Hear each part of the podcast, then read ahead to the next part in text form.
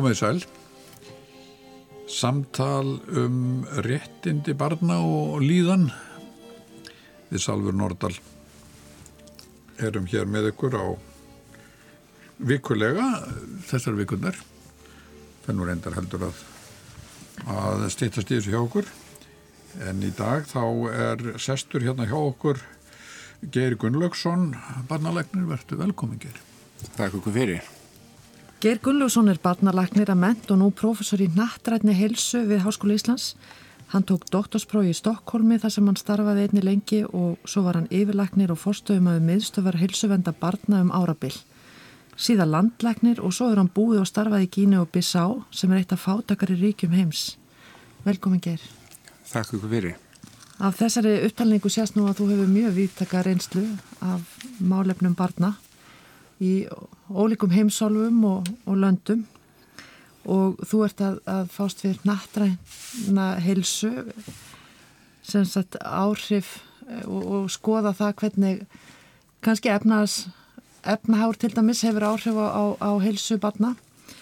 E, og það er auðvitað mjög mikil munur á Íslandi og, og og Afrikulandi eins og Kínu og Bissá er, er mikil hvernig byrtist þá sá munur?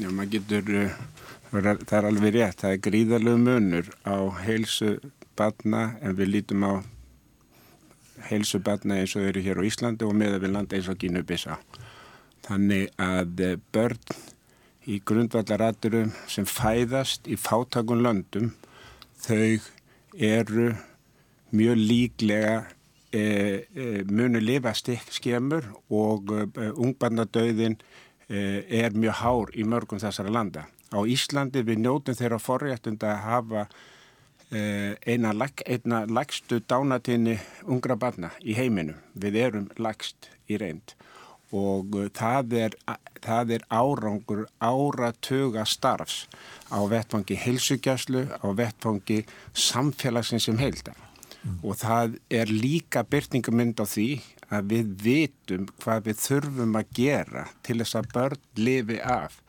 þegar þau verða veik. Mm. Þekkingin er til. Það er, vandin er hvernig umgjör sköpum við fyrir nýfætt börn, hvernig sköpum við, hvers konar umgjör höfum við fyrir þungaða konur og hvað ætlum við að gera þegar ákveðin vandamál kom upp. Svo að byrtingarmynd Þessa er svo að þau sem fæðast í Íslandi njóta þeirra forrétninda að lifa nánast eiga væntingum að lifa kannski 80 ár mm. með að bórið saman kannski 55 ári gínuðu bisa. Mm. Þetta er svona einn byrtingamynda þessa. Mm. Og þetta er náttúrulega, og, og náttúrulega þú nefnir þetta með ungbandanvernd og, og mæravernd hér á landi að það er, í sjálfis er ekkert svo langt séðan að við vorum með mesta ungbandadauða í heimi. Eða upp, nánast. Og erum komin lægst, þetta er náttúrulega ótrúlegur árangur. Og, með, og skýringin er auðvitað að miklu leiti er það ekki bara svo efnaðslega velsælt sem við eh, höfum búið við og tök, sagt, það er svo margt sem spilar inn í helsu fólks að, að, sem hefur áhrif á það hvort að á æfilengt Það er alveg rétt og, og það er þessi eh, umgjörð ég held að allum setja þessum stóru verkefnu sem við stöndum fram með fyrir til þess að jafna þennan mun mm. er að gefa betra aðgengi á þjónustu. Og það er réttur barna að fá að, að fá viðhandi þjónustu þegar þau verða veik og, eh, og, eh, og það er hlut af því sem við eh, er undir heimsmarkmiðuna svo kallu mm. þar sem er lög, mikið lágast á almenn heilbyrðisjónusta fyrir alla Universal Health Coverage og þá stöndum við alltaf fram með fyrir því hver áborga, hvers konar þjónusta á að veita og, og, og, hvað ætla, hvaða, hver, hver er eiga að veita hana? Og uh, það er staðreind að í löndum eins og í Gínu-Bissá er mikill hluti heilbyrðiskostnaði hann er færður yfir á einstaklingana sem síðan leiðir til stundum til uh, gríðarlegra erfilegum og fátaktar vegna það sem þegar kalla sem sagt, fólk verður nánast gjaldþróta á því að leita sér þjónustu í sumi tilvöku mm -hmm. og fyrir utan það að þjónustan er ekki til staða. Mm. Já, já. Og þetta hefur áhrif á lífsgæði, þetta hefur áhrif á lífslengt, þetta hefur áhrif á almenna heilsu og möguleika barna til að þroskast og dafna á þeim forsendum sem þau bera með sér við fæðingu. En eru, er helsufar barna viðkvæmt fyrir sveiflum í, í efnagarslífi? Jafnvel þar sem ástandi talið go- gott? Við getum, við, þetta er eitt af þeim, þetta er eina af þeim spurningum sem meðal annars ég og margir aðrir hafa verið að velta fyrir sér dæmis í sambandi við efnaskreppina sem við gekk yfir hérna ekki fyrir svo lengur síðan 2008 Já. að, eh, að þá reyndi ég að velta fyrir mér er möguleiki á því að sjá að, hver, hvernig efnaskreppan hafði áhrif á, á helsu íslenskra barna? Og ég beitti bara alþjóðlugum viðurkendu viðmiðum um það hvað er góð heilsa, hvaða þættir í heilbyrðisjónu sem þurfa eiginlega að vera til staðar, hvort sem þeir eru á sjúkrahúsi eða í heilsugjæslu eða annar staðar, því heilsabarn er ekki bara verkefni heilbyrðisjónustunar, heldur er það líka verkefni samfélagsins Já. félagslegir eh, bakgrunn og allt þess aftar. Þannig að efnaðskreppa eins og svo sem við gengum í gegnum, hún bara er 7. oktober, við vitum það, mjög kr- kröftugur uh, mælikvarði og það við sjáum það í þjónustu fullorna, það voru ákveðin enginn um það, að me meiri streyta, ákkurat í kringu, en ég hafði áhuga að segja hvernig hafði þetta áhrif á helsu barna. Og í stöttum máli þá sá ég voðalega lítið. Það sem var aðtiklisverðast að mínum mati er að við sáum að börnin sem voru að fæðast og fættust, þau voru svona fyrirburar. Það var tilneying til þess með tíma, en líka þau voru léttari fyrir tíman. Þau voru léttari miða við fæðingar lengt sem er aðtiklisvert vegna að það er svona einn byrtingamind á því að það gæti verið merkjum streitu. Og, Hjá- og- hjá móður. Já, og það er líka aðtilsvært, við gerðum rannsókn í, í, í samfloti við eh, erlenda samstagsmenn, við skoðum 16 OECD-lönd og það sem við skiptum í lönd sem fór í gegnum gríðarlega þunga efnaskreppu með erfiðum, með, þung, með senst, það sem var dreigð úr þjónustu. Ísland lendir í flokki undir miklu álægi, svo var önnur lönd sem höfðu lítið og svona millibilsástand, en við skerum okkur úr í þeim hópi landa sem eh, fór í gegnum mjög þunga krepp eins og um, við í hópi með Portugal, Gríklandi, Spáni og þessum löndum. Ísland sker sig úr þegar maður skoða ákveðnar efnaðslegar breytur sem hægt er að beita á, á svona gögn. Og þá kom í ljós að við erum þrátt fyrir okkar þunga, já, mikið niðurskur í kerfinu að þá sildu Íslands börn bara þokkalega gegna miða við í sett að stjórnveld komi með mótatgerin til þess að reyna því að fókusin var mjög mikið á börn og, og, og, og við, við, viðkoma fjölskyldu til dæmis í gegnum starf velferðavaktarna svo það sé nefn. En það, komi, það hafur einmitt komið fram í, í, í rannsóknum að, að mér er segja bönnum leið kannski aðeins betur jáfnvel í, í kjölfar greppunar af því að það virti svona slakna svolítið á svona þessum efnaðaslega eh, og það gerði það auðvitað, það sl- slaknaði á hagvexti og, og fólk var kannski breytist svolítið tempóið í samfélaginu og það, það virtist hafa góð áhrif á líðanbarna sem er sérstak, sem er svolítið aðdeklisverð niðurstaða. En þú varst náttúrulega fyrst og fremst að hugsa um þessa e, þætti sem hafa beinlinis áhrif á, á líkamlega helsu. Ekki bara, því þetta er nefnilega alveg, alveg hár rétt hjá þér. Málið er það að við skoðum líka hvernig leið unglingum og við sjáum það að þau voru meira með sínum fóröldrum, þau, þau tjási um það að þau séu hamingisamari og það er eiginlega mjög aðtilsvert að sjá þetta gerast og uh, sem er og menn hafa tengt að, uh, við því að atvinnulífið hafði hæði á atvinnulífinu yfirvinna vann væntanlega, þetta er náttúrulega við gerum ráð fyrir því að almennt hafi fólk haft meiri tíma fyrir sjálfsög, þrátt fyrir atvinnleysi, þrátt fyrir já, erfiða tíma. Þannig að fólk byrjaði að huga meira þessum þætti mm. og uh, þannig að þetta er, þetta er, þetta er ein aðtiklisverð niðurstaða mm. sem við sáum við, með, og þá meðal un, un, ungmenna. Við vitum að sambönd, sambönd ungmenna við foreldra sína, við fjölskyld og eru mjög styðjandi við hefðis, geta verið styðjandi. Oh, oh. Þrátt fyrir það að við veitum líka að í ákveðnum fjölskyldum minnstum geta verið mikil vandamál sem geta verið haft neikvæð áhrif á, á helsu og líðanbarna. Mm -hmm. Og þessir stiðjandi þættir auðvitað, þessi, þessi mikla samverra og, og, og, og en hins vegar þessi neikvæðu þættir auðvitað bara þegar arfileikar í fjölskyldum sem auðvitað hafa mikil áhrif á, á, á börnin. Á, á börnin, sko. það sem er, er líka er mikilvæg með tökum það bara lönd til dæmis að því það er ágætt að bara taka gínubissu, ég þekki það mjög vel.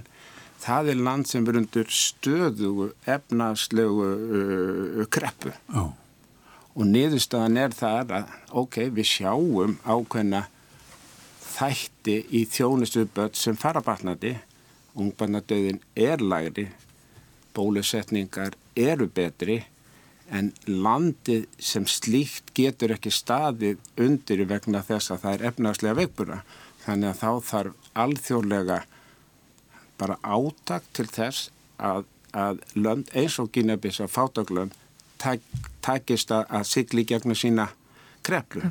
En samtímis er þessu lönda og börnin sérstaklega er að missa miklum tækifærum til, til þau kannski lifa en þá er að skólaganga og ímiðslegt annað sem kemur til til þess að hjálpa þessum já, sem síðan er á að gefa landinu tækifæru í efnægslegu skilningi mm -hmm. með aukinu mentun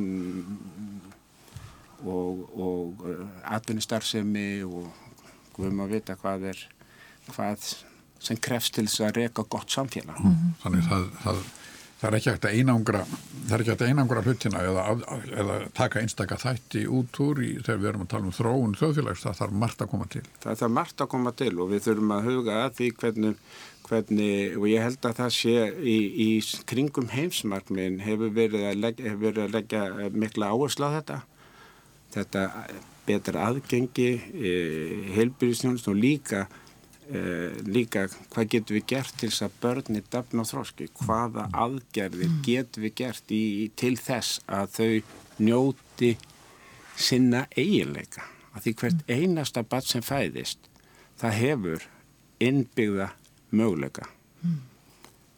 það getur verið að í ákvæmnu silvikum þá getur kyn haft mark, mjög afgerðandi áhrif á útkomuna. Mm. Við vitum það að stundum er það meira, stundum tala um það að strákar eru æskilegir en stúrkur, bara sem dæmi. Mm.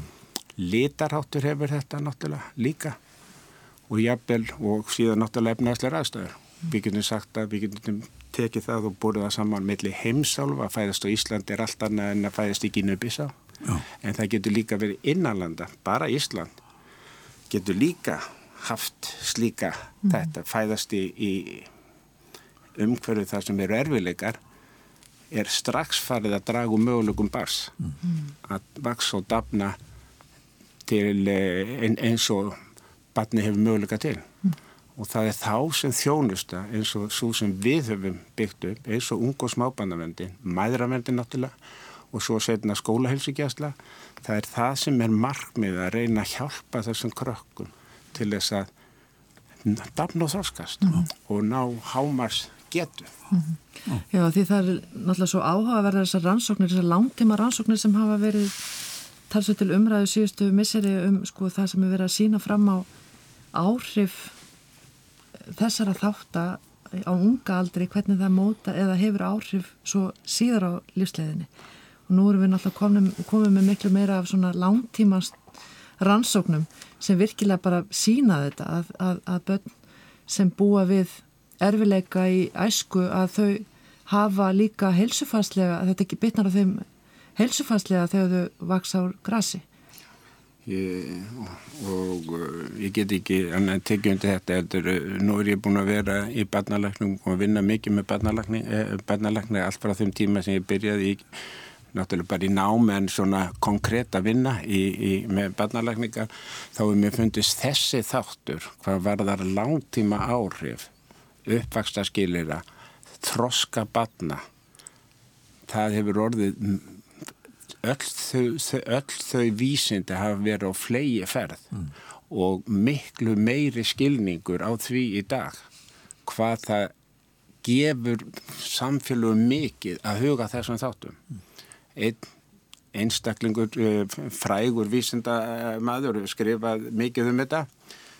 Heckmann hann er Nobel-sölunhafi í, í, í, í hagfræði. En hann er mikill talsmaður uh, snemtækrar íhlutunar og hann segir að ekkert samfélag geti ávasta sinn auð betur eða sitt fjármag betur en að spyrja strax. Mm -hmm og hann segir að, að það er og hann hefur búin að rekna þetta út mm. sem sagt ávöxtun hverjar krónu er margföld strax mm. svo mingar ávöxtun allt eftir sem við erum orðin eldri eins og ég að þá byrja ég að kosta samfélagi mm. þannig að, að, þannig, að þannig að við þurfum að huga vel að þessu og þessi og þessi og það sýnir sig líka að þeir sem fara í, já, þeir menn eins og þú salver bentir á að, að þú leggur grunn að, að líf og helsu barst í langtíma en hengri tíma liti menn er að tala um hjartasjúdóma eldir árum, menn er að tala um krabba minn alls konar sjúdóma mm. og við mjög stórar og, og, og, og mikla rannsóknir en auðvitað er svona rannsóknir floknar í aðlisínu mm. en e, það er eiginlega alveg sama hvar mann ber niður þetta sinn og þetta er eitt af því sem ég hef séð sem á mínum ferli þá sem barnalagnir að ég hef séð, eh, séð þetta hefur rannsókn á þessu sviði hefur vaksið mjög ásmegin mm -hmm. bara til dæmis spurningin brjóstakjöf mm -hmm. hvað gerur brjóstakjöf fyrir lítið bara til lengri tíma liti og þetta eru mjög fjölbreyttar og öfluga rannsóknir þannig að þannig bara eitt lítið aðri mm -hmm. bara fekk barni brjósta eh, fekk barni, var, var barni á brjósti eða ekki á brjósti? Og það eru margar rannsóknir kringu þetta. Mm -hmm. og týjur og hundri og svo náttúrulega áhrif áfalla og, og allskils þáttar sem, sem koma fram síðar á æfinni Svo er það líka, það er náttúrulega ennfrekar í vaksnandi mæli. Og það tengjur okkur inn í ofbeldisumræði börn sem alast við ofbeldi og það er líka enneitt þátturinn sem hefur komið mér óvart ég hef verið að kafa inn í, inn í slík mál ég hef skoðað aldrei ofbeldi barn á Íslandi verið bæði söglu samengi og svo alveg til reynslu ungmenna mm. á 2001. öldinni og það hefur komið mér á óvar að sjá í þeim er, ansvöndum sem ungmenn bara þau sem hafa reynsluna því að hafa verið er í, á heimilum þar sem er ofbeldi milli maka og þar sem eru, og krakkarnir eru einhvern veginn lendi í skotgluganu, skotlínunni, milli föður og móður oftast, eða forsjáraðila mm. að þessi krakkar eru þunglindari, þau eru kviðnari þau eru reyðari og þau eru læra sjálfsáleitt mm. þannig að þau, ber þetta með við sjáum þetta bara í gegnum spurningar mm. hvernig þau svara og þetta eru ekki lítil sambönd, þetta eru svo bara mjög sterk margtæk sambönd þannig að börn Já, margtækt samband á milli þess mm. að, að vera hafa orðið upplifað áfbeldi og þess að hérna og, og, og eiginlega verst er að hafa orðið sjálfur mitt á milli mm -hmm. og lent sjálfur í átökunum mm -hmm. þannig að, að, að ofbeldi hefur á Íslandi við erum strax, ég held að við séum að vaksa mjög skilningur á þessu mm. að það er ofbeld sem viðgjörn á Íslandi og kannski meira, kannski meira menn hafa haldið ég held að menn hafa haldið að þetta væri bara ekki væri ekki eins algengt og, og við erum að sjá mm. og ég hef búin að vera að skoða og byrti nýlega svona samatektar uh, grein í kringum þetta hvað er búið að gera á Íslandi hvernig stöndu við okkur hvað var það ofbeldi banna gegn börnum búin að uh, byrtist nýlega í, í, í, í erlendu tímaritt en byggir á íslensku rannsóknum sem meðal annars stönda og byrtar hér á landi mm.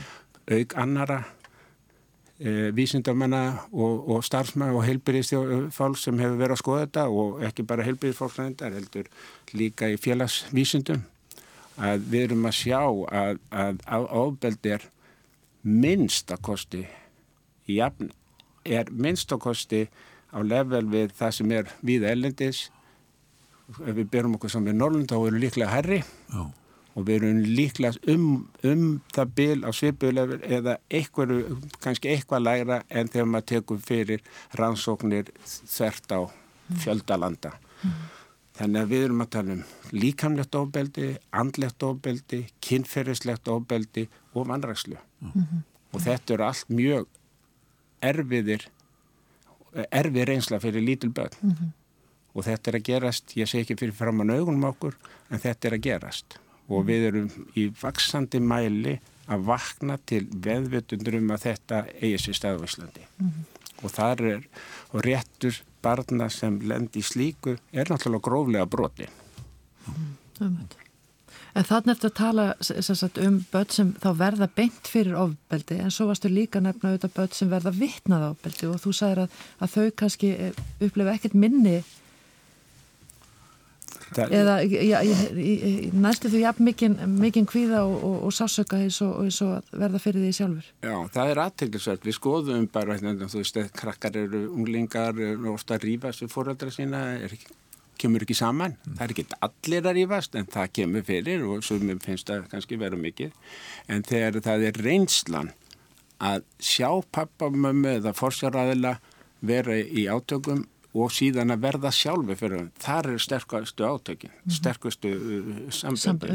En það er ekki algjörlega áhrif, það er ekki algjörlega án áhrifum að geta séð líka ef, ef það eru mikil átök í fjölskyldu, bara orða, mm -hmm. bara rifrildi, mm -hmm. millir pappa og mjög. Það er átakanlegt að hlusta það mhm. og það hefur líka sín áhrif. Mhm. maður þarf að hafa þetta það í hug og það var eitt af því sem við vöktum aðtegla á í bók sem við gáum út 2000 fjög var í kringum að hvaða veri mikilvægt að, að, að, að heimilisofildi það hefur yðurlega alltaf lítið bann í, í, í fjölskyldunni mm. og, uh, og, þegar, og við vorum þá á þeim tíma, við erum 15 ára síðan þá voru fókus er ofsalega mikið á að taka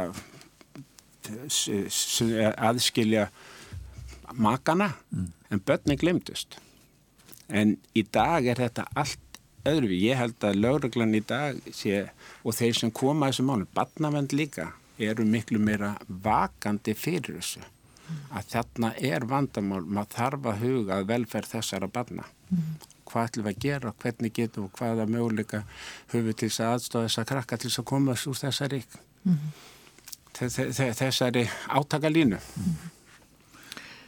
Það hefur um eitt verið talað mikið um það og þú nefndir að um eitt áðan sko líka með þess að snemntæk og íhlutun að það hefur verið eh, meiri fókus á, á snemtæka íhlutum mikilvægi þess að breyðast strax við þegar, þegar börn er í, í vanda eh, hvernig þú sem barnalæknir og, og þekkir það heilbreyðiskerfi sérstaklega vel og, og auðvitað heilsugjæsluna og, og skóla skóla heilsugjæsluna hvernig, hvernig getur við brúðist betur við? Hvernig geta, getur heil, til dæmis heilbreyðskerfið brúðist fljótar við þegar, þegar, þegar fólk verður áskynni að það er eitthvað af?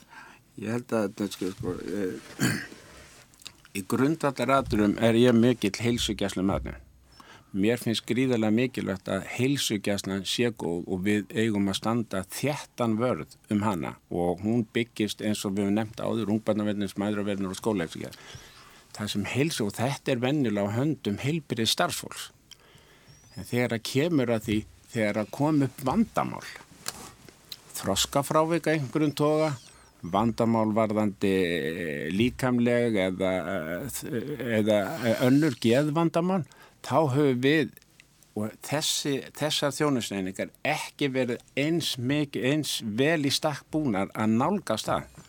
Og heilsugjastlan hefur hér á landi og víða kannski annar staðar við hefðum átt vera meira þverfræðilegri og uh, við þurfum og ef, ég ætta að lefa mér að hugsa um hvað ég myndi vilja sjá miklu öflurið þverfaræðilega heilsugjastlu þar sem málefnum barna með vanda, segjum bara einhverfu, segjum barna með föllur, segjum barna með eitthvað skonar bóvirkni aðtilsprest og allt þetta eða önnur vandamál sem koma upp að því í það er í heilsugjastunni sem við finnum þetta.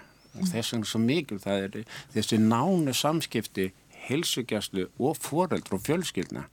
Allt frá fæðingu og jafnvel fyrir fæðingu. Með heimavinnum manna þannig með þekka fjölskyldu.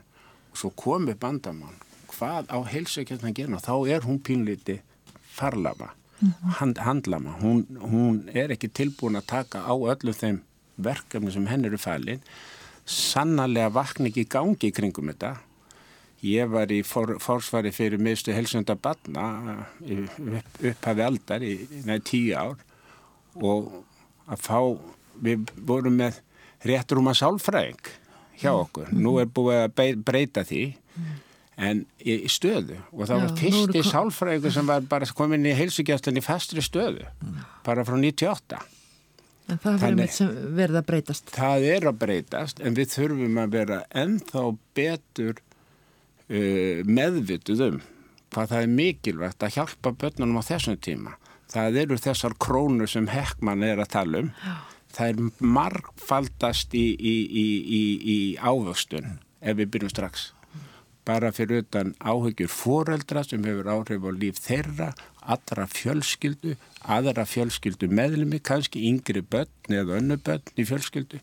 Þannig að þessi vandi, þroski, geðhilsa, langvinnur heilbreyðsvandi við þurfum að vera miklu meira á varbergi hvað við getum gert fyrir þennan hóp barna.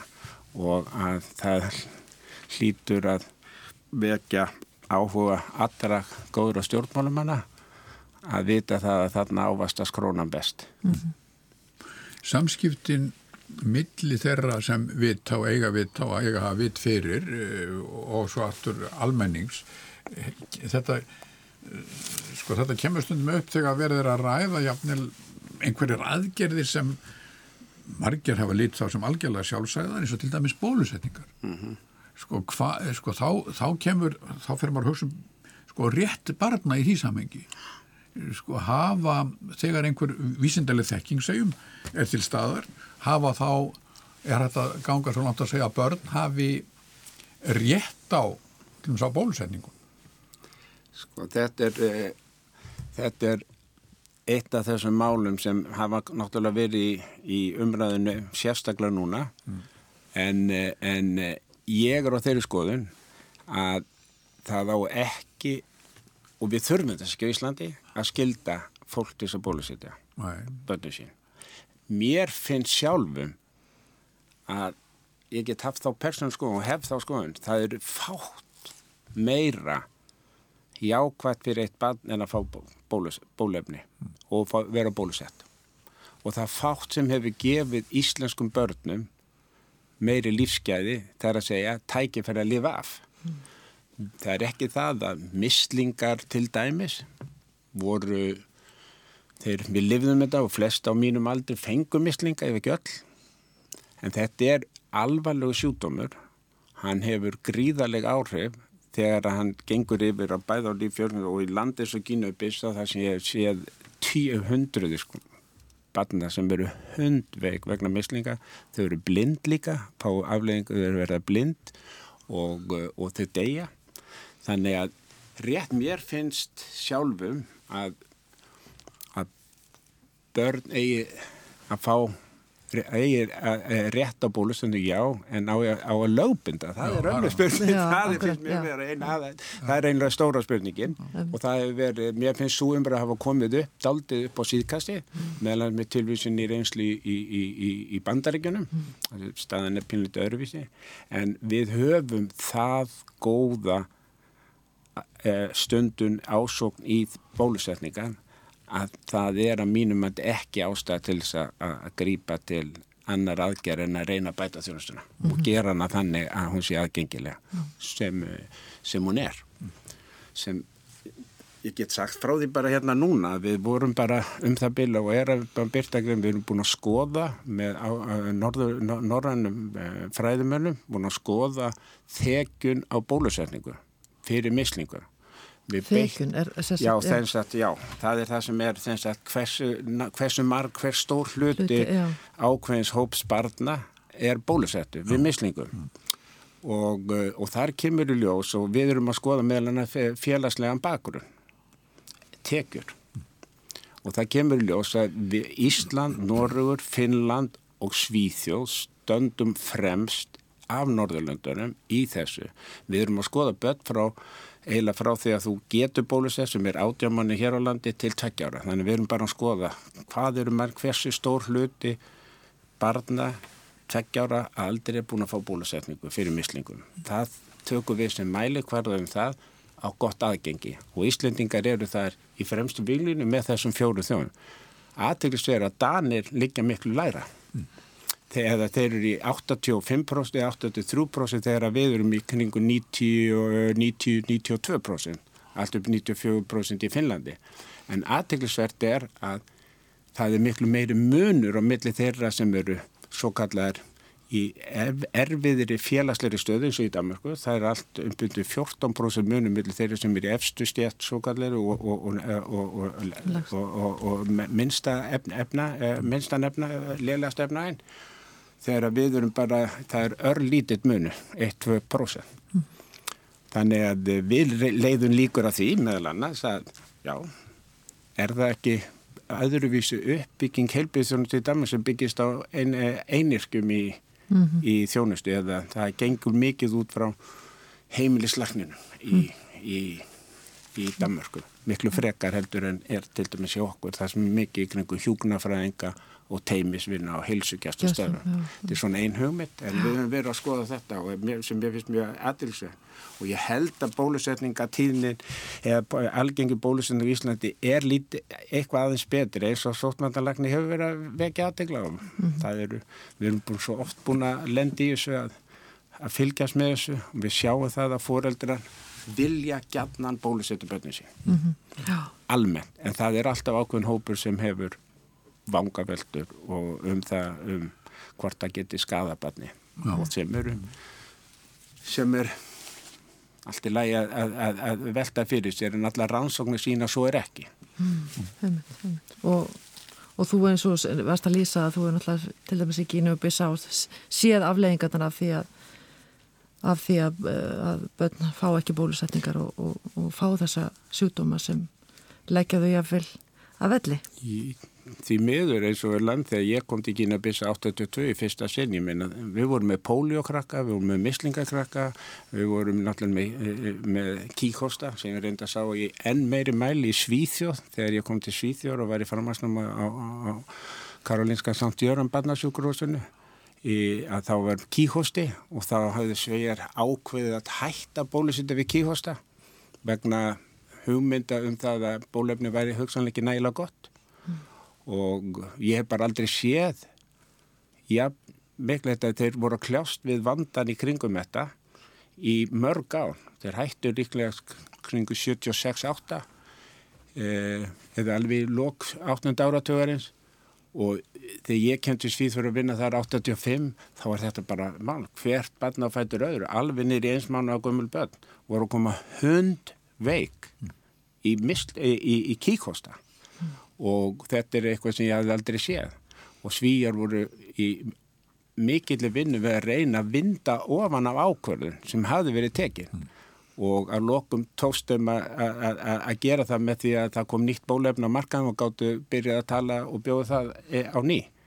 Og þá þetta, þetta hafði gríð þetta er náttúrulega hundra daga hústin fólk var frá, frá vinnu og við hefum heyrt dramatíska lýsingar bara nýlega íslenska sjónvarpinu af því þegar Batsen fekk kífosta þannig að, eh, að það, eru, það eru svona eitt dæmi um það þegar við þegar við, þegar við eh, sláum að vaktinni Já. að þá getur margt gerst. Mm -hmm. og ég held að það sé kannski eitt, eitt sem má leggja áherslu á. Þetta er þrótlaus vinna og það fæðist nýtt barn á hverjum deg og það þarf að bólusitt á hverjum deg það þarf að vinna að þessu á hverjum degi og það er ekki sigur unnin. Þetta er alltaf stanslust baráta og við höfum búið gæfi til að hafa gríðarlega öflugt heilbyrði starffólk af mínumæti. Mér finnst að, að það er ekki heilsu gæslan eða við hefum að segja þá bara mæðraverndin, ung og smábarnavendin.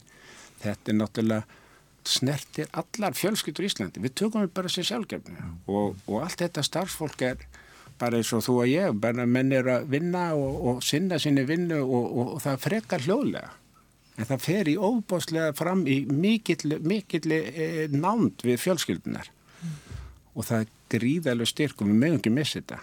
Mm. Og meðal annars sá ég í sambandi þessar rannsónu í sambandi við efnaskreppina einn þáttur sem kannski minkaði hjá okkur, mm. má alveg nefna það, það var minnum heimavitinni. Mm. Ég er ekki að segja að það er að það, hvað, hvað eru afdrefa ríkar breytingar, hvað var að helsu batna við það, en það er hægt að gera heimavitjanir sem stert öflugt tæki í að hjálpa fjölskyldum mm -hmm. að klást við nýjan veruleika sem þegar við erum komið með fæðingatíðin í 1,7 eins og núna 1,7 batna hverja konu þá sjáum við það að flest bönni eru að fæða bönni fyrsta sinn. Hvað er ég að gera. Hvað kann ég? Hvernig þetta er algjörlega ný stað sem flesti fóröldrar og ný bakaði fóröldrar þekkja og, og, og, og þeir sem eru að hlusta okkur. Mm. Þetta er eitt af stærstu verknum sem þú færði í lífinu. Já, akkurat. Og þá er alltaf svo mikið verðt að, að heimsækja fólkið á staðnum þar sem það er að kljást við, við verkefni Ég tel það. Og það er rætt að koma með upp, upplýsingar um uppeldi, það er um brostökjöf, næringu. Allir fóreldra sem ég hef unni með sem eru með lítil börn eru ávalt að þau hafa mikið ná að börnið að vaksa er allt í lægi og allt þetta þannig að mjög vakandi auðvitað vakandi og sofandi börn gráta, hvað gerum við því hvað ætlum við að hjálpa fóröldinu þessum börn eru mikið að gráta það hefur verið tengt ofbeldi í erlendurnarsónum mm. innan sex mánu krakka sem er gráta mikið þau eru hættu fyrir að vera beitt ábeldi svo dæmis ég teki mm. þannig að þetta eru fóröld sem þurfa mikið stöðni mm -hmm. og grátu bars getur vera hundrað mismunandi orsökum mm. Og það þarf að huga því og hjálpa fóröldunum því þetta er ótrúlega sárt að heyra barnið sitt grát og ekki geta gert neitt í því og hvert átt að leita mm. og þá hefur við búið við, byrjum við gæfið til þess að hafa þjónust mm. og fólk sem skilur og fólk sem hefur ekki verið við, er ekki að klást við slíkt vandamölu fyrsta sín mm. Þú vannst fyrir nokkrum árum í rannsókn á uh, börnum hælisteitanda og þið töluðu við, við börn sem voru í þessari stöðu Já, og, og, og, og hér á landi og hver var svona meiri niðurstand? Þau, þau voru kannski upplöðus ekki mjög svona sínilegi í, í því ferli sem fóreldarnir voru að með. Já, þetta, ef við honum okkar íslenska samverð, þá held ég að þessi börn sé eina af þeim sem eru myndu kallast í veikburastöðu. Þetta er yfirleitt fóreldra sem koma og er að byggja um hjálp. Við getum hatt hundra skoðan á því hvers vegna og, og hvað ástæður og fleira, en flesta af þessum börnum hafa mjög sérstakar reynslu sem hver kom úr stríði og það kom fram þessari rannsók sem eh, Helga Guðmundsdóttir hjúknafræðingur gerði e, í samfunni við mig og Jón Einsdóttir mannfræði, professor í mannfræði undir eiginkona að, að hún talaði við hóp, hún hlustaði á börnin og bara það að komast í slíkt návi tók ákveðinu, það, það þarf ákveðina nálgun og, og, og, og næmni til þess að geta gert það, fá tilskynni leif og þess að það. En krakkarnir, það sem kom fram í frásögnu krakkana sem sló mig, var pínlutið þetta að þau veru ósýnilega. Þau veru ósýnilega í ferlinu. Það var ekki hugað að þörfum þeirra. Það var miklu meira það var ekki spurt hvernig líðið er eða er það eitthvað sem þú þarf fókusin var á papp og mömmu. Og papp, papp, og papp og mömmu voru kannski yfirherslu og þau sátu fyrir utan og nánast ekki með neitt til, sér til dundus kannski tvók tíma tvær klukkstundir, þrjá klukkstundir og eru samtímis kvíðin yfir börnu, yfir, yfir fóröldunum og yfir þessu verkefni. Þannig að það var eina svona sláandi niðurstöðum og líka annað að það var ákveðin ójöfnur hvað varðaði hvort þú varst kvótaflótamaður, hvort þú varst, þannig að það er ójöfnur í þessum hópi innflytjanda mm. sem er að sækja um hæli og eru hælisleitnutur í allsvegulegum skilgjörnu górsins. Og þetta var, þessi rannsók söpnugagna fór frá 2015, byrjun 2016 og og það er að, ég hef þá tilfinningunni að börnin hafi orðið sínilegri mm, það það er ákveðinir mm. krakkarnir tóku líka sérstaklega upp þetta með skólagöngu komast í skóla mm.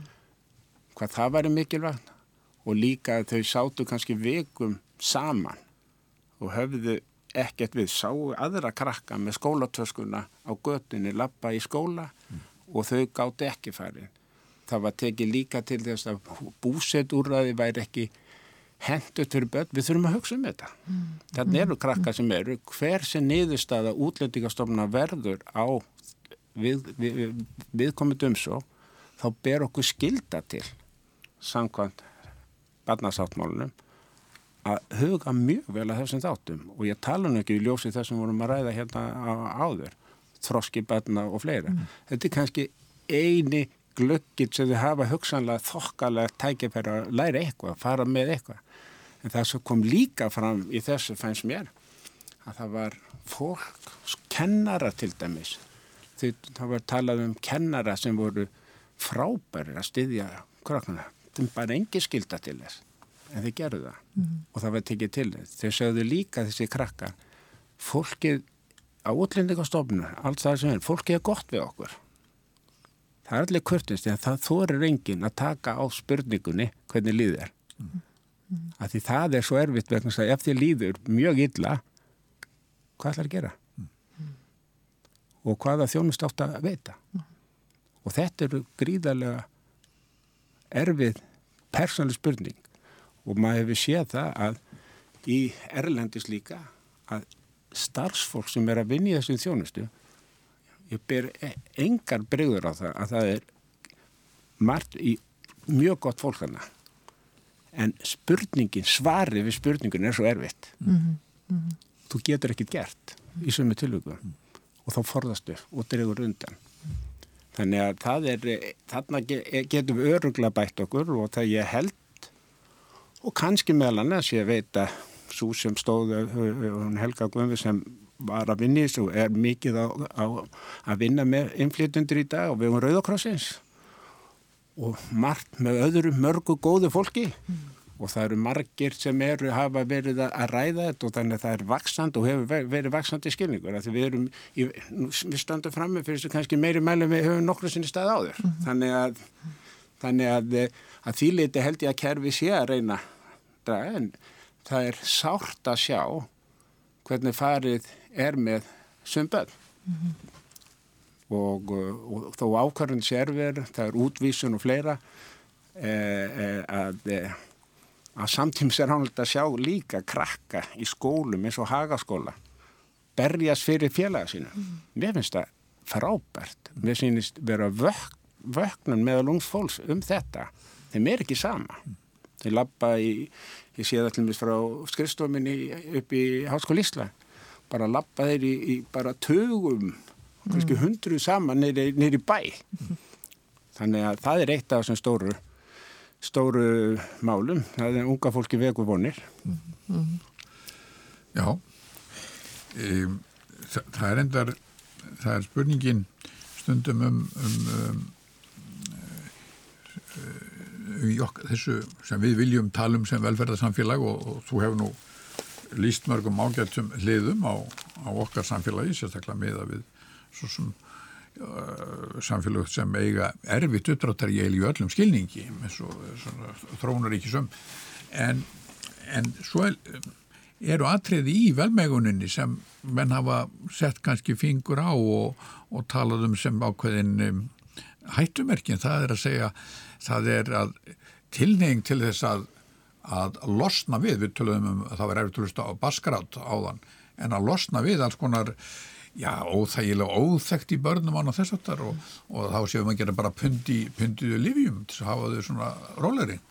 Er þetta eitthvað einkenni á, á nútíma samfélaginu? Ég held að geðhelsa barna í dag er náttúrulega eitt af þessum stóru málu og við erum að vera miklu meira vakandi fyrir því og hugsanlega er eina kreppm og ég hef vakið aðtikla á því í því sem ég hef verið að gera að langtíma áhrif kreppna eru kannski ekki komin í ljós. Mm.